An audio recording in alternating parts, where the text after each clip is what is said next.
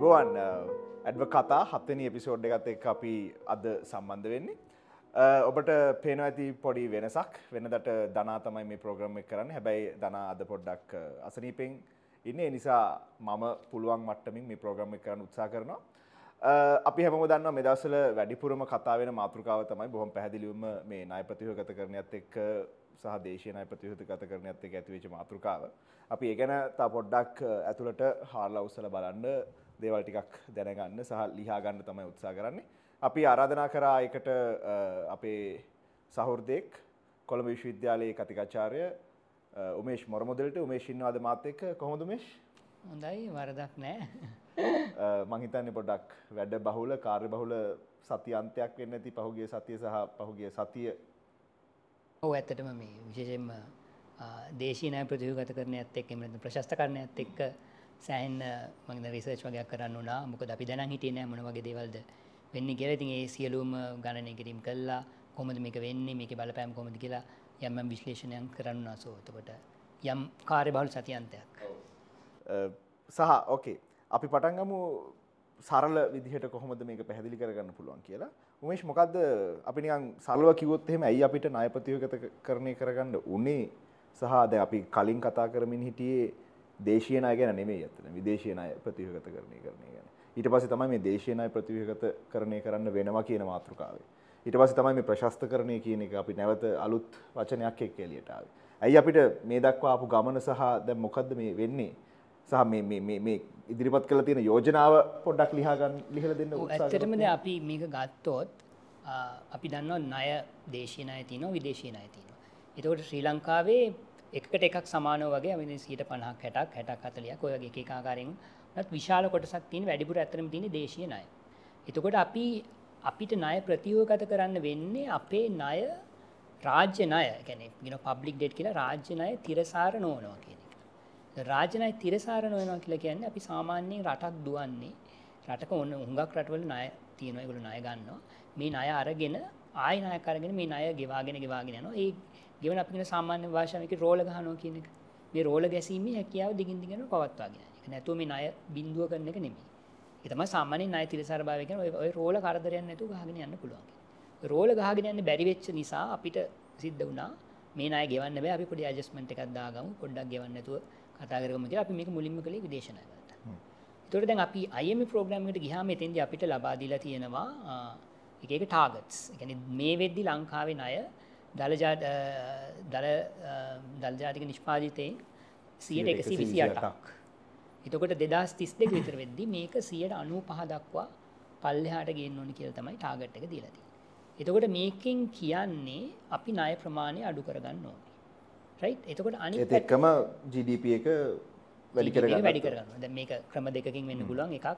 GDP එක වැඩි වුණොත් ඒ කියන්නේ දලජා රටේ නිෂ්පාදනය ඉතා වේගකින් වැඩි වුණොත් ඒකට සාපේක්ෂව ණය ප්‍රමාණය අඩු වෙනවා. අනිත් පැත්තෙන් ණය ප්‍රමාණය අඩු කරගත්තොත් එතකොට ණය ප්‍රමාණය GDP එක ප්‍රතිශතයක තියලා අඩු වෙනවා එතකොට මේක කරන්න දැනට තියෙන තත්ත්වය අනුව විදේශ ණය විතරක් කළා මදි කියන නිගමනයේ දැන් ඇවිල්ලා තිනවා අනිත් එක මේකෙදි තව දෙයක් කියන්න ඕනේ. මේ මෙතෙන්දි බලන්නේ මේ ඩෙට්ටු GDP රේෂියෝ ගේම නැත්නම් ණය ජලජාල නිෂ්පාදනය ප්‍රතිශතයක් විතරක් විදිහට නෙමෙයි. ඊට අමතරව තව එකක් කියනවා GFN. එහෙම නැත්නම් gross financing need. දල මූල්‍ය අවශ්‍යතාව. දල මූල්‍ය අවශ්‍යතාව. මේ දල මූල්‍ය අවශ්‍යතාව කියන්නේ අර රෝල ගහන්න වාර්ෂිකව කොච්චරක් GDP එකට සාපේක්ෂව අවශ්‍ය වෙනවද? අපි හිතමු රුපියල් දැන් අපේ අපේ දිනදා වියදම් ටික කලින් අයත් ගෙවාගෙන ෂේප්මන්ට් එකක් දාගෙන කොච්චර කාලයක් යන්න පුළුවන්ද එකන අපේ බජට් ඩෙෆිසිට් එකයි ඊට පස්සේ කලින් තියෙන කලින් තියෙන ණය ගෙවන්න ඕනේ ගෙවන්න තියෙන ණය ගෙවන්න ඕනේ ඊට පස්සේ ආයෙතකොට ඒකට තව අලුතෙන් ණය ගන්න ඕනේ ඔය කියන රෝල ගන්න. එතකොට මේකෙදි අපිට ටාගට් එකක් දීලා දිනවා 113ක් කියලා. එතකොට අපේ ණය ගොඩක් කල්පිරෙන ඒවා තියෙනවා නම් ඉදිරි වසර කිහිපය තුල එතකොට අපිට මේ 113ට යන්න අමාරුයි. මොකද අපි ගත්ත ණය පොලිය විතරක් නෙමෙයි අර ගත්ත ණය ආපහු ගෙවන්න ඕනේ. මැචුවර් වුණාම නේ. මැචුවර් වුණාම. ඒ කියන්නේ භාණ්ඩාගාර බිල්පතක් බැඳුම් කරයක් මැචුවර් වුණාම ඒක එහෙම් පිටින්ම ගෙවන්න ඕනේ. ඒ කියන්නේ ඒ හා සමාන හෝ ඊට වැඩි මුදල ආයෙත් භාණ්ඩාගාර බැඳුම් කරයක් විදිහට නිකුත් කරන්න. එහෙම වැඩිපුර නිකුත් කරනවා කියන්නේ අර GFN එක තව තව වැඩි වෙනවා. අපිට තියෙන බර්ඩන් එක වැඩි වෙනවා. අපිට තියෙන බර්ඩන් එක වැඩි වෙනවා. ඉතින් ඔයක මෙතෙන්දි මේ අපි කරන ණය ප්‍රශස්තකරණය කරන එකේ ඇත්තටම මූලිකම අරමුණක් වෙලා තියෙනවා. ඒ කියන්නේ GFN එක පොඩ්ඩක් පල්ලෙහාට ගේන එක මේ දහතුනේ සීමාව තියාගන්න එක පොඩනේ ඇතර මහිතන් සීට තිස් තිහක වගේ දැනට අපි තිය නිතා විශාලගයක් දැන් මේ විදේශනය ප්‍රතියෝගත කරා මේක සැලකිලි සැලකිට වලින් මට පල්ලෙහාට මටන එනවා. මට තේරෙනවා. නමුත් ඒක ප්‍රමාණවත් නැහැ. කියලා තමයි මහ බැංකුව කියන්නේ. ඒක ප්‍රමාණවත් නැහැ. ඒකින්ද තවත් පොඩ්ඩක් විදේශී ණය ටිකක් ප්‍රතිව්‍යුහගත කරලා ප්‍රශස්තකරණය වගේ එකක් කළා. මේ කියන ටාගට් එකට යන්න අවශ්‍යයි කියලා තමයි මහ බැංකුව ඒගොල්ලෝ ඉදිරිපත් කරන තර්කය දැක්වෙන්නේ. ඒත් එක්කම තව දෙයක් තියෙනවා. දැන් අපි දැක්කා ඊයේ මහ බැංකුව අධිපතිතුමා මොන්ටරි පොලිස් ප්‍රෙස් කොන්ෆරන්ස් එකේදී කියන දෙයක් තමයි දැන් මේ විදේශීය ණයකරුවන් කියන්නේ එක්ස්ටර්නල් ක්‍රෙඩිටර්ස්ලා ඒගොල්ලොත් බලාපොරොත්තු වෙනවා දේශීය ණය යම් ආකාරයක ප්‍රතියෝගත කිරීමක් හෝ ප්‍රතිශත ප්‍රදර්ශන කරන්න කියලා. ඒගොල්ලන් ආගියුමන්ට් එක වෙන්නේ ඇයි අපි විතරක් මේකේ බර දරන්නේ? රටේට දේශීයවත් ණය දීලා තිනවා විදේශීය ණය දීලා. ඇයි විදේශ ණයකරුවෝ පමණක් මේකේ බර දරා ගන්නවා. එතකොට අපිට පොඩි ඉන්ඩිකේෂන් එකක් දෙන්න ඕගොල්ලෝ යම් කැපකිරීමක් කරනවා. එතකොට එහෙම පොඩි අදහසකුත් ඉදිරිපත් වුණා ඊයේ. මොනිටරි පොලිසි ප්‍රෙස් කොන්ෆරන්ස් එකේදී. එතකොට අපිට එන්න පුළුවන් නිගමනය තමයි මේ ඔක්කොම ටික බැලන්ස් කරගෙන ඉක්මනට මේ ණය ප්‍රතිහෝගත කිරීමේ සාකච්ඡා නිමා කරලා ඉක්මනට අපි දැන් අපි තවම ණය ගෙවන්නේ නැහැ නේ. තවම ණය ප්‍රතිහෝගන්න කරනවා කියලා අපි දැන් කී කී ඉන්නවා දැන්. ඒක ඉන්නවා සෑහෙන කාලයක්. වසරකටත් වැඩි ඔව්. දැන් මේක ෆයිනලයිස් ණය නොග ඉන්නවා මේ ණය නොග ඉන්නවා කියන්නේ තව අර එකතු වෙනවා වෙනවා. කියලා අපි සාමාන්‍ය සිංහල ණය ටිකෙත් එකතු වෙනවා. ඇරියස් කියලා කියන්නේ එකතු වෙනවා කියන්නේ ගොඩක් ගොඩක් දැන් එකතු වෙලා තියෙනවා. ඔක එකතු වෙන එක තාම පාඩුයි. තාම ඉක්මනට මේක කරලා ඉවර කරගන්න නත් එක හේතුවක් තමයි. එතකොට මහ බැංකුව අධිපතිතුමා කියපු විදිහට. එතකොට අරගොල්ලොන් දෙකත් කතා කරලා මේක ඉක්මනට ඉවරයක් කරගන්න පුළුවන් කියන එක. ඒක මං හිතන්නේ ඒක තමයි ප්‍රධාන හේතු දෙක මේ ණය ප්‍රශස්ත කරන්නට යන්නේ. ඔව්. දැන් උමේෂ් අපි මේක යෝජනා කළද? දැන් මේක යෝජනාවක් නිතාම තාම. හරියටම මේ විදිහටමද යෝජනා කරපු විදිහටමද වෙන්නේ කියලා පැහැදිලිම නැහැ මම දනුවත් විදිහට. සුපැන්වේෂන් ෆන්ස් වලට ජූලි 25 විතර වෙනකන් දීලා තියෙනවා කල් එයාලගේ ඔෆර්ස් ඉදිරිපත් කරලා අදාළ වෙන විදිහට දේ කරන්න.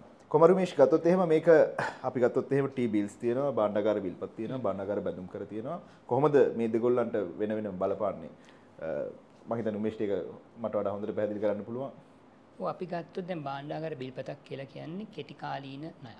මාස 3ක් මාස 6ක් වසරක් උපරිම කාලයක් ඇතුළත අරගෙන ගෙවනවා. මේවා මේ සාමාන්‍යයෙන් මේ මේවා අරගෙන තියෙනවා බැංකු සාමාන්‍ය ජනතාව ඊට අමතරව මහ බැංකුවත් භාණ්ඩාගාර බිල්පත ඒගොල්ලොම නිකුත් කරලා ඒගොල්ලොම අරගෙන කරනවා. අපි සාමාන්‍යව ඉකොනොමික්ස් වලදී ගොඩක් අය මුදල් අච්චු කරනවා කියලා කියන්නේ මේ මේ කතන්දරයට තමයි. එතකොට සාමාන්‍යයෙන් ට්‍රෙෂරි එකෙන්නේ නිකුත් කරනවා කියලා ට්‍රෙෂර් අපි එකෙන් කියන්නේ. නිකුත් කරනවා කියලා. ඒකෙන් සෙන්ට්‍රල් බැංක් නිකුත් කළා ආයි සෙන්ට්‍රල්. බැංක් එක අරගෙන එතකොට අර රටේ තියෙන මුදල් ප්‍රමාණය වැඩි. ඒකට ඒ කියන්නේ මේ හොරෙන් නෙවෙයි ඒක තමයි සාමාන්‍ය. ක්‍රමය. සාමාන්‍ය ක්‍රමය ඒක ඉතින් මැජික් එකක් නෙවෙයි. නමුත් අ, තම ආර්ථිකයක් සම යම් අවස්ථාවලදී වැඩ කරද්දී සිද්ධ වෙන විදිහ. ඒකට මහා බැංකුව විසින් විසින් අ, අ, ඕන් කරන මහා බැංකුවට අයිති භාණ්ඩාගාර බිල් වල විශාල ප්‍ර- ප්‍රමාණයක් තියෙනවා. මේ බිල් පත් සමස්ත ප්‍රමාණයෙන් 60ක් සම්මත ප්‍රමාණය 160ක් මදන බිලියන අටක් මට මතක නෑ ප්‍රමාණය ගණන හරියට මත නමුත් විශාල ප්‍රමාණයක් ප්‍රමාණයක්. ඒතකොට මේක මේකත් අපි තවමත් ගණන් ගන්නේ රාජ්‍ය ණය හැටියට. රාජනය එතකොට මේ මේ බිල් පාත් අර කෙටි කාලෙදි මේ ලැබෙන වසරදි ගෙවන්න නැතුව ඉදිරි ඉදිරි වසර කීපයක් තුළ ගෙවන්න ආයෙත් ඒවා ප්‍රතිව්‍යුහගත කරගන්නවා. එතකොට අර රජයට මේ වසර ඇතුළත ගෙවන්න තියෙන බිල්පත් වල තියෙන අර බර එහෙම් පිටින්ම නැතිවල අයින් වෙනවා. එතකොට අර මං කලින් කිව්ව GFN එකට තියෙන බලපෑම අඩුයි. බලපෑම අඩු වෙනවා සම්ස්ථානයක් ලැබෙනවා. මේ හැබැයි මහ බැංකුවට අයිති බිල්පත් විතරයි. විතර සාමාන්‍ය බැංකු අරගෙන තියෙන බැංකු හරහා අපි වගේ මිනිස්සු හෝ කවුරු හරි අරගෙන තියෙනවනම් ඒවට කිසිම බලපෑමක් වෙන්නේ නැහැ. කවුරු හරි භාණ්ඩාගාර බිල්පතක් අරන් තියෙනවනම් ඒකට කිසිම බලපෑමක් නැහැ. ඒක අපි පැහැදිලිව ඇත්තටම කියන්නේ. ඊට පස්සේ තියෙනවා භාණ්ඩාගාර බැඳුම් කර. භාණ්ඩාගාර බැඳුම් කරත් බැංකු අරගෙන තියෙනවා. බැංකු හරහා ජනතාව අරගෙන තියෙනවා. ඊට අමතරව දරුවා කිව්වාගේ සුපර්ඇනිමේෂන් ෆන්ඩ් අපි දන්නවා EPF එක ETF එක සමහර වෙලාවට එක ෆන්ඩ්ස් තියෙනවා. එක කම්පැනි ලොකු කම්පැනිස් ඒගොල්ලෝ කිය- EPF ETF ගෙවන fund එක. ෆන්ඩ් එකක් භාවිතා කරනවා. අපි දන්න තමයි විශ්වවිද්‍යාල වලට වෙනම Provident Fund කියලා වෙනම එකක් තියෙනවා. ඒකට මේ ආකාරයේ විවිධ ආකාරයේ ෆන්ඩ්ස් තියෙනවා. ඉතින් මේගොල්ලොත් මේගොල්ලන්ගේ ආදායම් අ, ආයෝජනය කරනවා භාණ්ඩාගාර බැඳුම් කරවල. දැන් ප්‍රතිව්‍යුහගත කරන්න කියලා කියලා තියෙන්නේ මේවා විතරයි. EPF එක ETF එක ඊට පස්සේ වෙන අනිත් මේ අරමුදල් ටික නේ. ඒකට බැංකුවල තියෙන බැඳුම් කරවලට කිසිම බලපෑමක් අපි ගත්තොත් එහෙම 140 40 වගේ තියෙනවා. බැංකු සියට හතලියක් විතර බැඳුම් කරන්න තියෙනවා. මේ අරමුදල් වලනුත් සියට හතලියක් විතර අරන්තිය එතකොට අර සැලකි ප්‍රමාණයක් සැලකිත ප්‍රමාණයක් අරමුදල්ල තියෙන එතකොට බලාපොරොත් වෙන්නේ මොකද? බැංකුවලට මේ ප්‍රතියු ගත කරන කළොත් බැංකුවලට කෑශ්ලෝ ප්‍රශ්නයක් එන බැංකුත් කරන්න එදින දරෝල පොට තාට විස්තර කරපු මේශ් මොකක්ද කෑශ්ලෝ ප්‍රශ්නයක කියලා ඇත්තටම දැම් බැංකු ගොඩක් වෙලාවට ආයෝජනය කරලා තියෙන්නේ බාණ්ඩාගාර බැඳුම් කර හොරෝ බිල්පත්වල. ඒ කියන්නේ අපි අපි ගිහිලා සල්ලි දැම්ම කියලා බැංකුවේ සල්ලි ගොඩ ගහගෙන ඉන්නවා කියලා එකක් නැහැ. බැංකුවේ සල්ලි තියාගන්නේ නැහැ. බැංකුව මොකද බාණ්ඩාගාර බිල්පත් හා බැඳුම් කර කියන්නේ ඉහළ පොලි අනුපාතයක් දෙන දේවල් සහ හරීම අවදානම අඩුයි. ඒකට බැංකු ගිහින් මේක දෙනවා මේක ණයට අපි අපි ඔක්කොගෙම තියෙන මේ සල්ලි ටික එකතු කරලා බැංකුව මේක රජයට ණයක් විදිහට දෙනවා. මාස 3කින් මාස 6කින් අවුරුද්දකින් අවුරුදු 5කින් දහයකින් විසකි වෙන්න පුළුවන් දැන් බැංකුව එතකොට ගණන් තියාගෙන ඉන්න හරි අපි රජයට මෙච්චරන්න අය දුන්න මේ අපිට ඊළඟ අවුරුද්දේ හම්බෙනවා. එතකොට බැංකුව ඒගොල්ලන්ගේ ප්ලෑන් එක හරියට ඊළඟ අවුරුද්දේ අපිට රුපියල් 1000ක් හම්බෙනවා කියලා. මේ 1000 අරගෙන හරි මේ 1000 අරගෙන අපිට තව ණය දෙන්න පුළුවන්. එතකොට මේ ප්ලෑන් එකම අවුල් වෙනවා. මහා බැංකුව කිව්වොත් නෑ මේ 1000 ඊළඟ අවුරුද්දේ අපි වාට දෙන්නේ නෑ. මේ 1000 දෙන්න තව අවුරුදු 3කින්. එතකොට බැංකුවට සිද්ධ වෙනවා හරි අපිට දැන් ණය දෙන්න බෑ. අපි කොහොමද තම මිනිස්සුල්ලම ණය දෙන්නේ?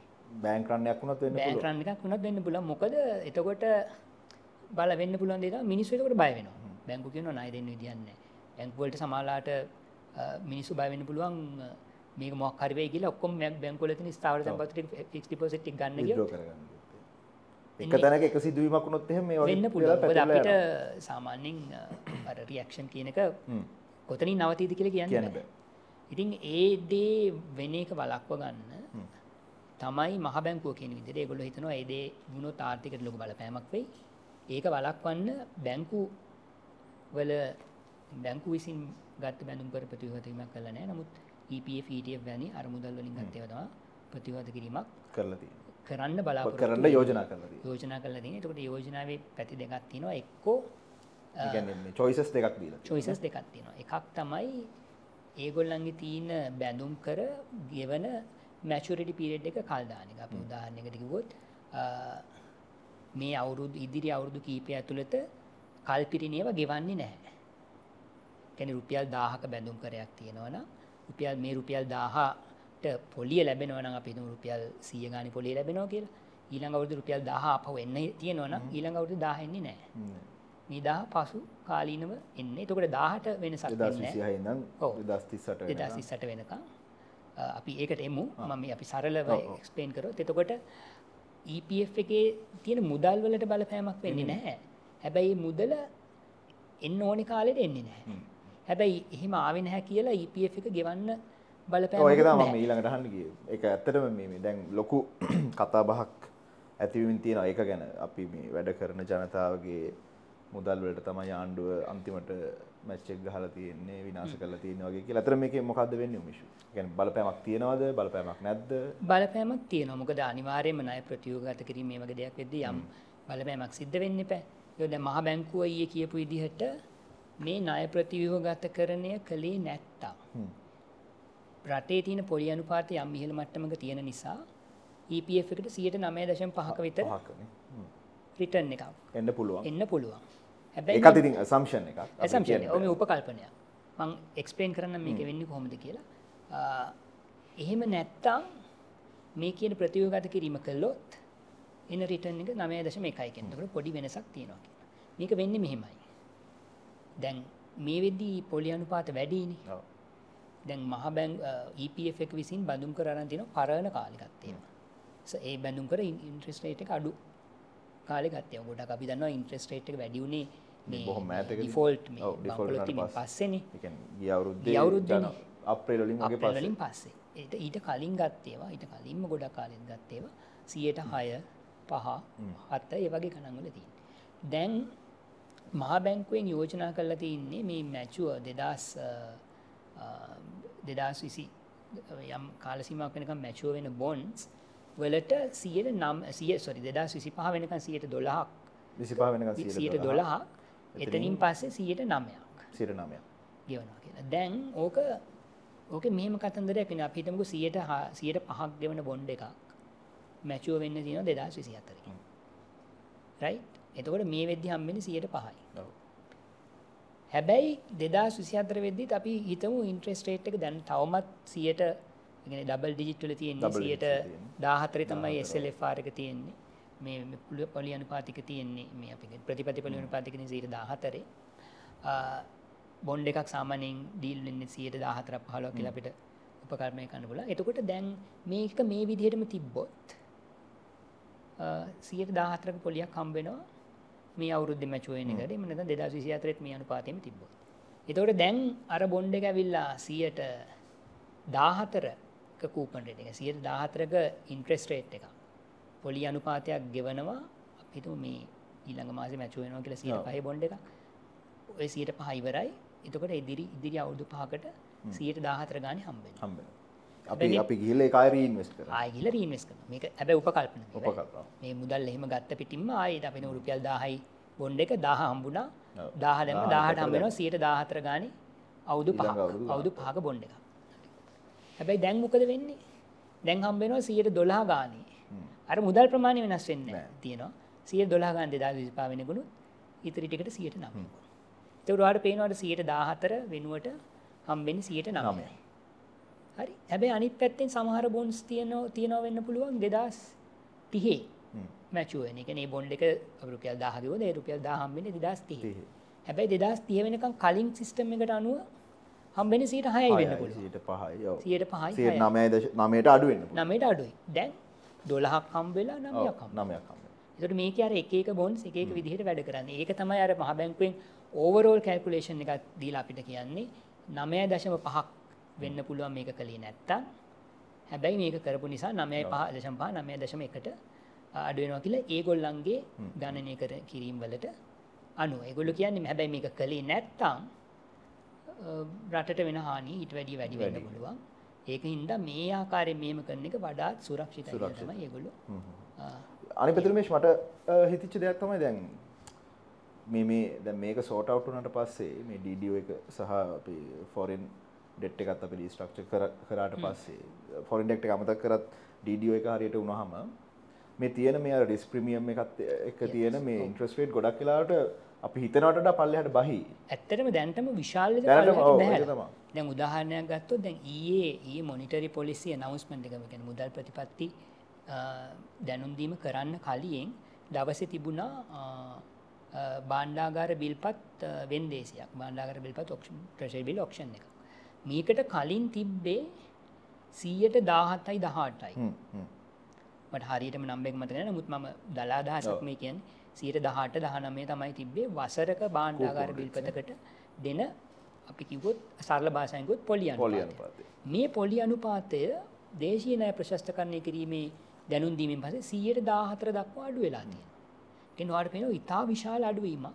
මොකද මේ දැන් අපිට පේනවා ඒත් අර අන්සර්න්ටික නැතිම වෙලත් නැති අවස්ථාවක. නැතිම වෙලත් නැති අපි. අනි තව ටික දවසේ මේ අන්සර්න්ටික සම්පූර්ණයෙන්ම අයින් වෙනවා. අයින් ඒකවල තව පල්ලෙහාට එන්න තමයි තවත් තියෙන්නේ. පුළුවන් සහ මහ බැංකුව දැන් එන්නේ තව පොලි අනුපාත පල්ලෙහාට ප්‍රතිපත්ති ගේනවා. පොලි ඊයේ තව 200 බේසිස් පොයින්ට් වලින් 102කින් පල්ලෙහාට ගෙනාවා. ඒ කියන්නේ තව තව පොලි අනුපාත පල්ලෙහාට පල්ලෙහාට පල්ලෙහාට එනවා. එතකොට අර රිස් ප්‍රීමියම් එක කලින් අපි දන්නවා දැන් මහ බැංකුවේ ප්‍රතිපත්ති පොලි අනුපාතිකය තියෙනවා. ඒකෙන් තමයි සාමාන්‍යයෙන් තීරණය වෙන්නේ. එතකොට ඒක තිබුණේ 114 15 මට්ටමේ. හැබැයි එක අවස්ථාවකදී මේ භාණ්ඩාගාර බිල්පත් වලට ගෙව්වා 129ක්. ඔව්. මේ 114 වගේ දෙගුණයක්. ඒකට ගෙවන්න මූලික හේතුව තමයි මොකක් වේද කියලා මිනිස්සු දන්නේ නැහැ. මිනිස්සු හිතනවා හරි අවදානම් අපිට මේකෙන් අපිට මේ ණය ප්‍රතියෝගත කරයිද? එහෙම අවස්ථාවලදී මිනිස්සු අවදානමට ග- අවදානමක් තීදි ණය දෙදී ඉතා විශාල පොලියක් අය කරනවා. අනි පැතර අවධානම තියෙන නිසා මුදල් ඇට්‍රෑක් කරගන්න රජයට නිරායාසයම වැඩි පොලියක් වැඩි පොලියක් දෙන්න අපි හිතන්නකෝ දැන් අපි සාමාන්‍යයෙන් අපි වුණත් ගිහලා හදිස්සියකට පොලියට කාගෙන් හරි එල්ලිලුවොත් එයාත් ඉතා විශාල පොලියකට තමයි සල්ලි දෙන්නේ. ඒ වගේ වගේ තමයි.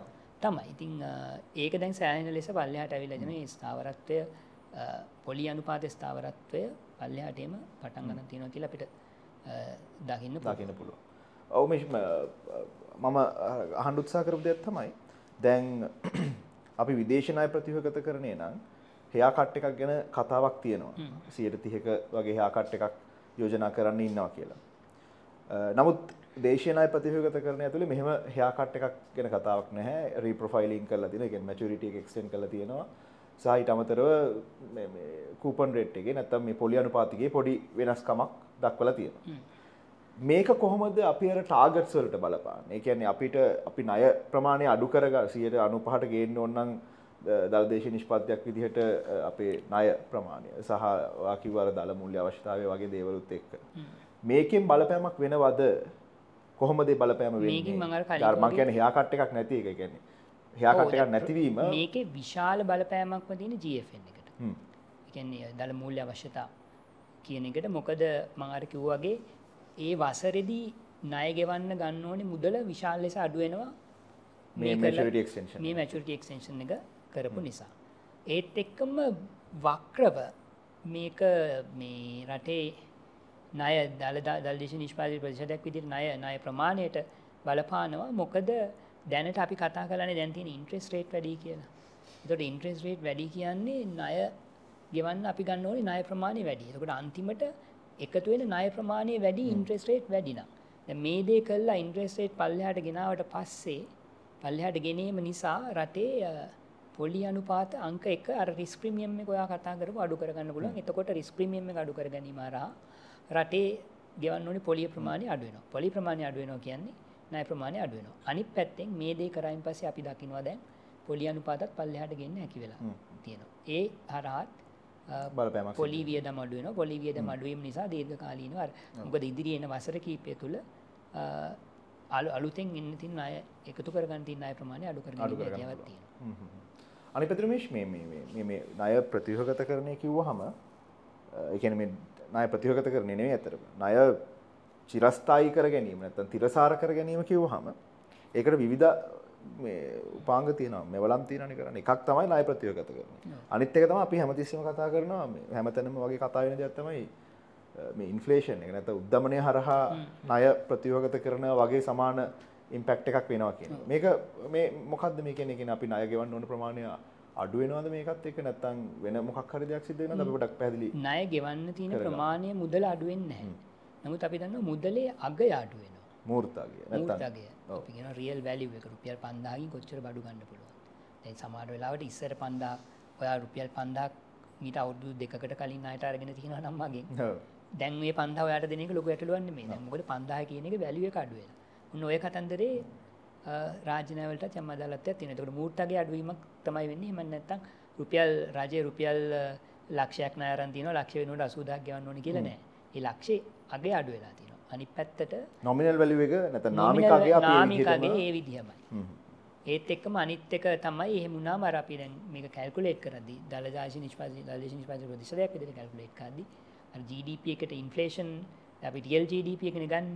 එතකොට එතෙන් අපි දළදේශ නිෂ්පාතිතය කරණය කරද්දි ගන්නේ නිෂ්පාතිතය වැඩීම විතරයි. මිල ගණන්වල වැඩීම එතකොට කරගන්න නෑ ඒකෙත් යම් මැජස්මෙන්ට් එකක් වීම හරහා මොකද ඩෙටු GDP ක්‍රේෂය කැල්කුලෙක් කරදි එතැනිදිත් යම් බලපෑමක් වෙනවා එතකොට උමේෂ් නිකම් මම අවසාන වශයෙන් ඇහුවොත් එහෙම මේක මටත් සෑහෙන ලොකු ප්‍රශ්නයක් විදිහට තිබ්බ එකක් දැන් මේ කරන සමස්ත ක්‍රියාවලිය ඇතුලේ අපේ අරමුණ වෙලා තියෙන්නේ මේ නර සොරි ණය තිරසාර භාවය අත්පත් කර ගැනීම.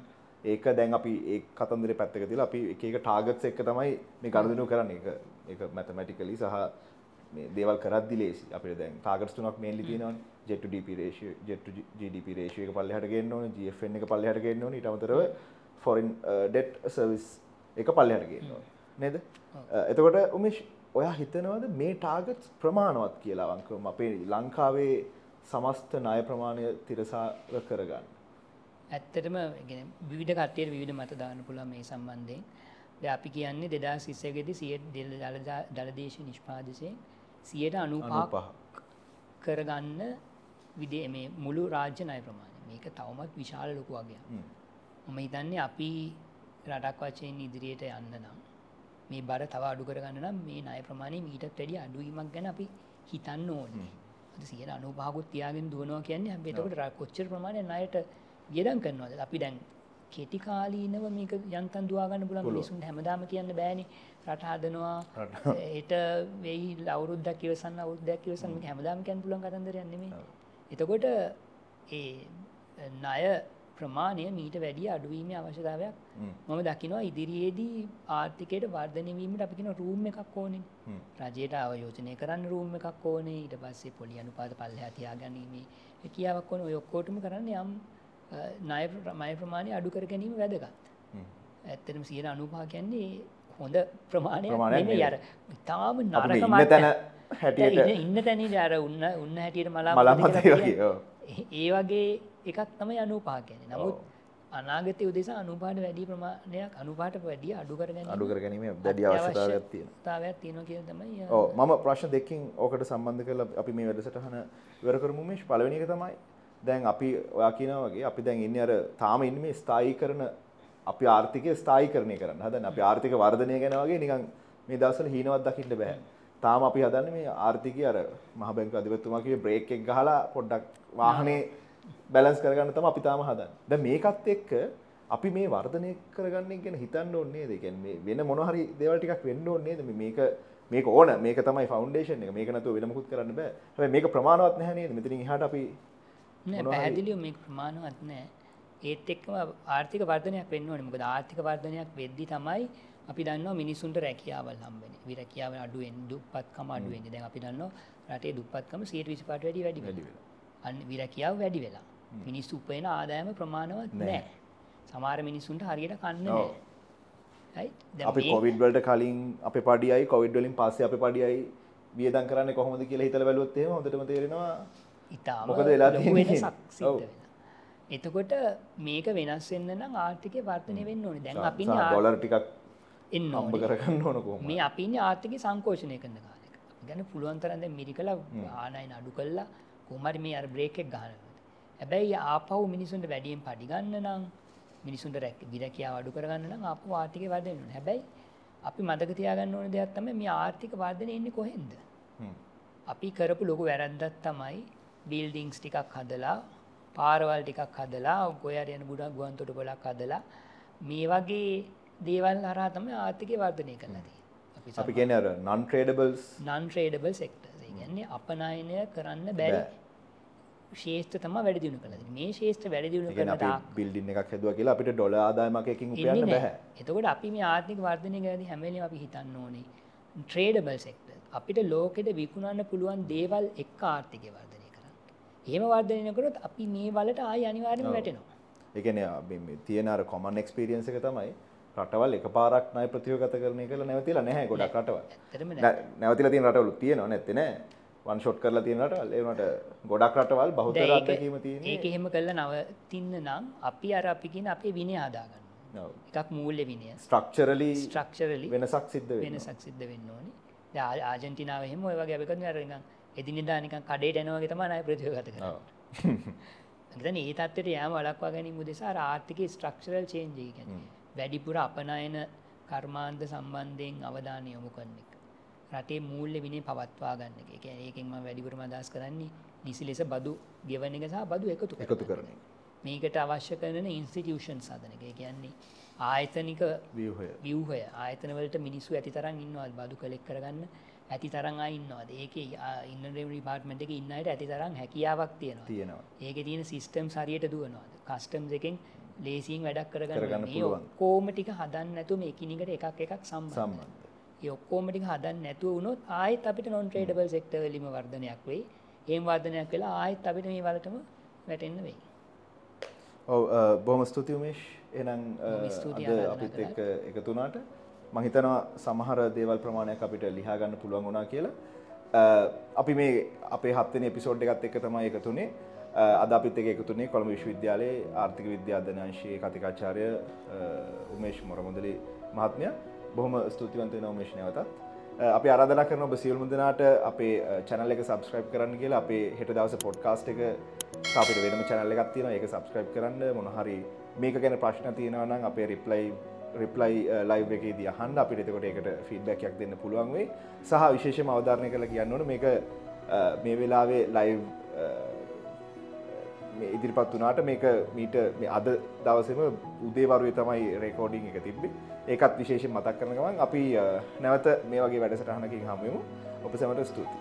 අයිබෝවන් මේ වගේ ඔබ නොදන්න ආර්ථිකරනු ගැන දැනගන්න අපේ සෝෂල් මීඩිය පලට්ෆෝර්ම් වලට අනිවාර්මයකුතුවා අපේ චැනල් එක සබ්‍රයිට් කරලා බෙල් අයිකන ිට ලංකාව ආර්ථික ප්‍රශංස් කරනවලට ඔයාලගේ දායකත්වය ලබා දෙන්න ආර්ථිකය හා වෙල්ද බලය ගැන වෙනස්කම් ගැන දැනුවත් අපිට සපෝට් කරන්න.